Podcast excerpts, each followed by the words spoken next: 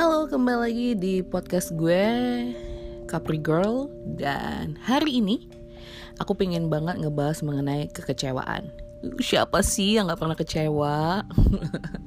Luar biasa banget gitu ya. Tapi yang jelas yang namanya kecewa Itu memang sudah menjadi suatu bagian kali ya dalam kehidupan ini.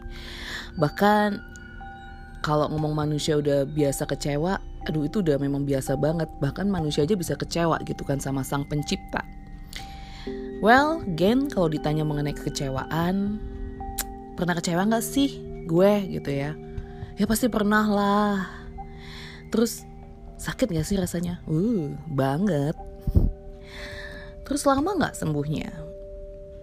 Kalau ditanyain mengenai lama sembuhnya atau enggak ya lumayan tergantung ya.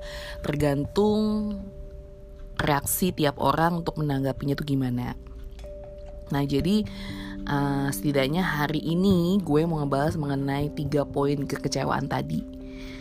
Uh, jadi kita bahas dulu kenapa sih kita tuh bisa kecewa gitu ya. Kalau menurut pengalaman aku, jadi ini bisa salah atau juga mungkin bisa kurang, mungkin kamu juga ada beberapa jawaban lainnya, tapi kalau menurut pengalaman aku, kenapa kita tuh bisa kecewa karena ada dua hal. Bahkan tiga gitu ya. Yang pertama tuh karena ekspektasi. Terus yang kedua tuh karena pilihan dan juga kebodohan kita tuh yang ketiga. Ekspektasi nih yang pertama ya. Jelas banget nih. Penyebab utama kenapa kita bisa kecewa ya karena kita sudah naruh suatu ekspektasi gitu kan uh, kepada seseorang terhadap sesuatu keadaan gitu ya kan. Karena di saat kita sudah menaruh harapan atau juga ekspektasi terhadap seseorang atau sesuatu dan itu nggak tercapai kita pasti banget kecewa ya kan misalnya kita udah ngeset suatu target lah gitu nggak usah ngomong tentang seseorang ya. Dan itu nggak achieve. Itu kan pasti kayak aduh sayang banget nih. Apalagi kalau misalnya um, targetnya sisa dikit gitu ya kan itu kecewa banget rasanya.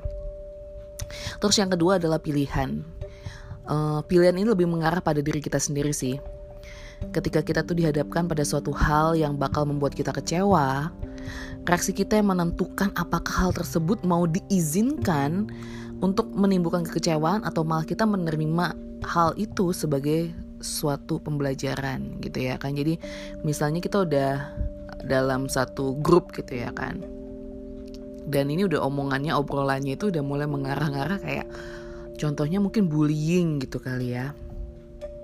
Terus udah tahu nih suatu ketika roda berputar kemungkinan kita bisa kena ya kan dan kita terus berada di situ bahkan ikut-ikutan nimbrung yang hmm, bahkan menjadi pembulinya gitu. Satu ketika itu roda itu berbalik kepada kita ya kita harusnya secara legowo gitu ya bisa melihat bahwa well again aku sebelumnya juga pernah ngebully orang. Sekarang waktunya aku dibully. Kalau kita bisa selapang dada itu mungkin kekecewaan gak ada kali ya dalam hidup kita. Tapi pasti sedih juga ya. Nah itu jadi pilihan. Pilihan kita mau menjadikan rasa sakit yang kita rasain itu sebagai kecewaan atau kita malah belajar nih oh iya nih berarti kita dibully itu nggak enak ya. Kalau gitu jangan ngebully deh. Nah itu pilihan itu semua pilihan dalam hidup ini. Terus yang ketiga kebodohan. Kebodohan di sini juga pastinya berasal dari diri kita sendiri tapi juga bisa itu disebabkan oleh faktor bersama-sama. Intinya ini adalah gabungan dari dua hal sebelumnya, yaitu ketika kita salah memilih reaksi dan ekspektasi yang kita set terlalu tinggi akhirnya menjadi suatu kekecewaan. Maksudnya gimana sih? Ya contohnya gini aja deh. Sudah jelas-jelas mendung tebal gitu ya, pertanda hujan. Tapi kita nekat naik gunung yang rawan banget longsor. Bareng-bareng lagi gitu ya. Itu jelas adalah pilihan yang salah. Dengan ekspektasi mungkin kita berekspektasi tanahnya nggak longsor deh atau mungkin batal hujan nih padahal udah mendungnya tebel banget gitu ya kan. Lalu terjadilah hal yang sebaliknya itu longsor dan juga hujan deras gitu ya. Terus baru ngomong penyesalan gitu. Nah jadi itu kebodohan kita sendiri sih hal-hal yang sudah bisa kita tangkis sebelumnya tapi kita izinkan itu merupakan kebodohan kita sih kurang lebih lah ya sama pilihan gitu. Nah, jadi kalau menurut gue itu sih yang menyebabkan kenapa kita bisa kecewa. Sekali lagi ada ekspektasi, ada pilihan, dan juga harus sadar. Itu adalah kebodohan kita. Selanjutnya lama gak sih kalau seseorang tuh pulih dari kekecewaan? Well again I will always say that it depends on people. Jadi ada orang yang bisa cepat menerima kenyataan, berusaha bangkit gitu ya, berdamai dengan dirinya sendiri, terus mengakuinya, and then stand up gitu ya kan. Akhirnya dia bisa let it go. Tapi ada juga kasus di mana yang biasanya cukup runyam gitu ya, memakan dan juga adanya gengsi ya kan. Itu membuat seseorang tuh berlarut-larut dalam yang namanya self pity gitu ya. Jadi actually bisa dikatakan sebetulnya nih kecewa itu biasa. Karena pada dasarnya manusia itu mengecewakan. Jadi kalau begitu kita kecewa terus sedih itu wajar dong. Karena memang basically kecewa itu pasti menyedihkan gitu ya karena sesuatu nggak kita nggak sesuai dengan ekspektasi kita. Dan itu memang fasenya wajar banget kalau kamu kecewa terus sedih terus jangan sampai menganggap ih gue sedih nih sekarang karena kecewa nggak wajar ya gue. Ya enggak deh gitu ya. Jadi bagi kalian yang saat ini lagi kecewa lalu sedih ingin menyendiri well itu wajar sih. Cuma jangan berlarut-larut dalam kekecewaan. Nih tips dari gue itu ya. Terus lalu menyendiri juga juga jangan kelamaan gitu. Dan buruknya lagi, kamu jangan bermain yang namanya playing victim. Maksudnya playing victim ini gimana sih? Jadi ya, di saat kita tuh seharusnya sudah sadar bahwa ada andil kesalahan pada suatu masalah itu andil dari diri kita atau ada hal yang menjadi pembelajaran yang seharusnya kita terima tapi kita tolak terus tuh dengan menghakimi keadaan atau orang lain sesuai dengan standar kita.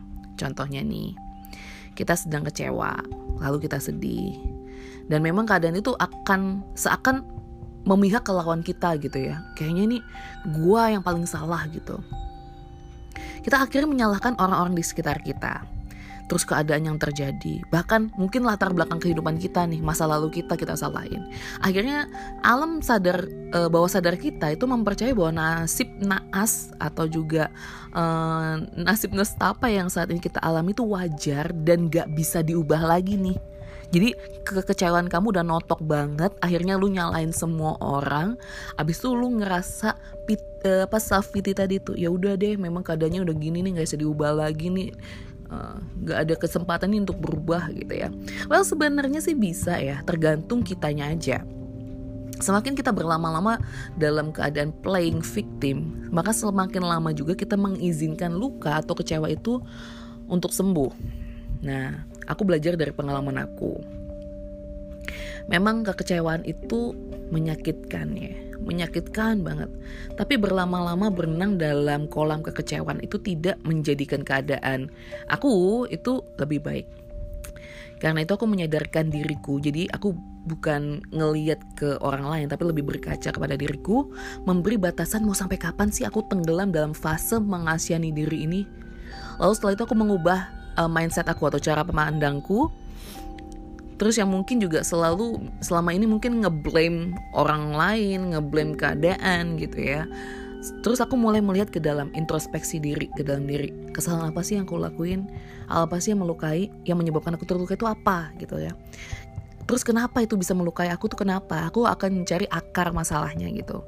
And then I admit that. Misalnya aku akui oh ya udah memang mungkin itu daerah sensitif aku atau mungkin uh, mungkin itu gengsi aku yang harus di di uh, kuliti gitu ya. Lalu aku menerima dan aku berdamai dengan diri aku sendiri. Lalu bangkit pastinya. Bangkit dengan kesadaran bahwa setiap orang punya kesempatan untuk melukai orang lain termasuk diri aku sendiri jadi aku akan belajar bahwa hal yang tidak aku sukai, hal yang menyakiti aku, aku seberusaha mungkin untuk tidak dekat-dekat lagi pada zona-zona yang seperti itu. Contohnya bullying lah ya. Aku sadar bahwa aku uh, misalnya dulu tuh aku suka banget ngebully. And then one day aku betul-betul dapet fase di mana aku tuh dibully. Dan akhirnya uh, aku tahu rasanya dibully tuh nggak enak. Habis itu aku cari akar masalahnya dulu. Kenapa gue kok bisa sensitif banget sih di bagian itu di kata itu bahkan? And then aku akui oh iya kali ya. Mungkin aku kurang yang namanya merasa dihargai atau mungkin gue ngerasa kok uh, uh, itu memang berkaitan dengan hal trikinya aku gitu ya yang fail banget mungkin di aku. Akhirnya itu kok diucapkan oleh orang lain yang mungkin cuma nggak sengaja. Akhirnya ketika aku udah sadar akan hal itu aku memaafkan diri aku di uh, diri aku dulu gitu habis itu sesudahnya mengizinkan bahwa hal yang menyakiti aku tuh aku udah tahu gitu ya oh ya udah deal with it gitu terus memaafkan mereka yang sudah memberi pelajaran berharga. Jadi bukan memaafkan mereka karena mereka udah melukai aku, tapi aku lebih melihat thank you banget nih buat mereka yang sudah melakukan hal itu karena mereka memberikan pelajaran berharga. Dan ketika hal tersebut comes up lagi, sudah nggak menimbulkan efek samping dalam arti kalau misalnya hal-hal yang menyakitkan itu terus diulang lagi atau mungkin ngeliat orang itu lagi gue udah bisa ketawa dan mungkin sudah say hi biasa gitu ya kan. Dengan hati yang betul-betul nggak sakit lagi. Nah itu aku sadar banget kalau itu aku udah udah pulih. Jadi aku bisa anggap aja mau tertawakan derita aku gitu ya. Itu itu tuh udah bentuk di mana aku merasa bahwa aku udah pulih. Nah kalau terus uh, bagi kalian yang saat ini lagi ngedengerin dan kalian lagi dalam posisi down banget kalian lagi kecewa banget nah ini pes, uh, pesan untuk kalian. I know it is hard. It is hurt. I feel it too. Ya aku aku sangat mengerti perasaannya gimana. Aku nggak bilang bahwa rasa sakit itu nggak ada. No. I stand for you all. Tapi aku juga mau encourage kalian nih supaya come on, jangan lama-lama kita berkubang dalam kesedihan. It is for your own good man, gitu ya. Kalau semisal kamu masih susah untuk melihat kebaikan di luar, setidaknya lu untuk eh, melihatnya untuk kebaikan dan kesehatan tubuh kamu sendiri deh.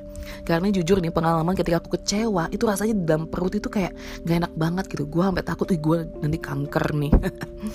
Terus ayo bangkit gitu ya. Jangan mau jadi korban kekecewaan yang begitu lama. Memang mereka jahat sih yang melakukan itu kepada kalian. Tapi bukan berarti kamu juga sudah sempurna dengan tidak melukai orang lain gitu ya. Kita harus pad uh, sampai pada kesadaran bahwa kita tuh punya kesempatan juga loh menyakiti orang lain. Kita cuma nggak tahu aja. Jadi jangan playing victim terlalu lama. Um, terus juga mungkin saat ini mereka yang lain itu sedang mengalami proses juga ya kan. Nah karena itu take your time dan juga berdamailah dengan diri kamu sendiri itu penting banget. Karena uh, kalau lu nggak berdamai dengan diri lu sendiri, lu nggak akan selesai selesai dari kelas fase kehidupan itu. Dan kamu juga harus membuka diri, memberi kesempatan kepada orang lain, terutama yang melukai lu itu, untuk bisa uh, minta maaf atau mungkin juga bisa kembali menjalin hubungan gitu walaupun mungkin lu akhirnya ya udahlah sebatasnya gitu. Yang penting udah nggak saling melukai lagi. Sehingga uh, kesembuhan atau yang namanya pulih dari kecewa itu lu capai gitu. Gue gue punya quote yang gue suka banget sih.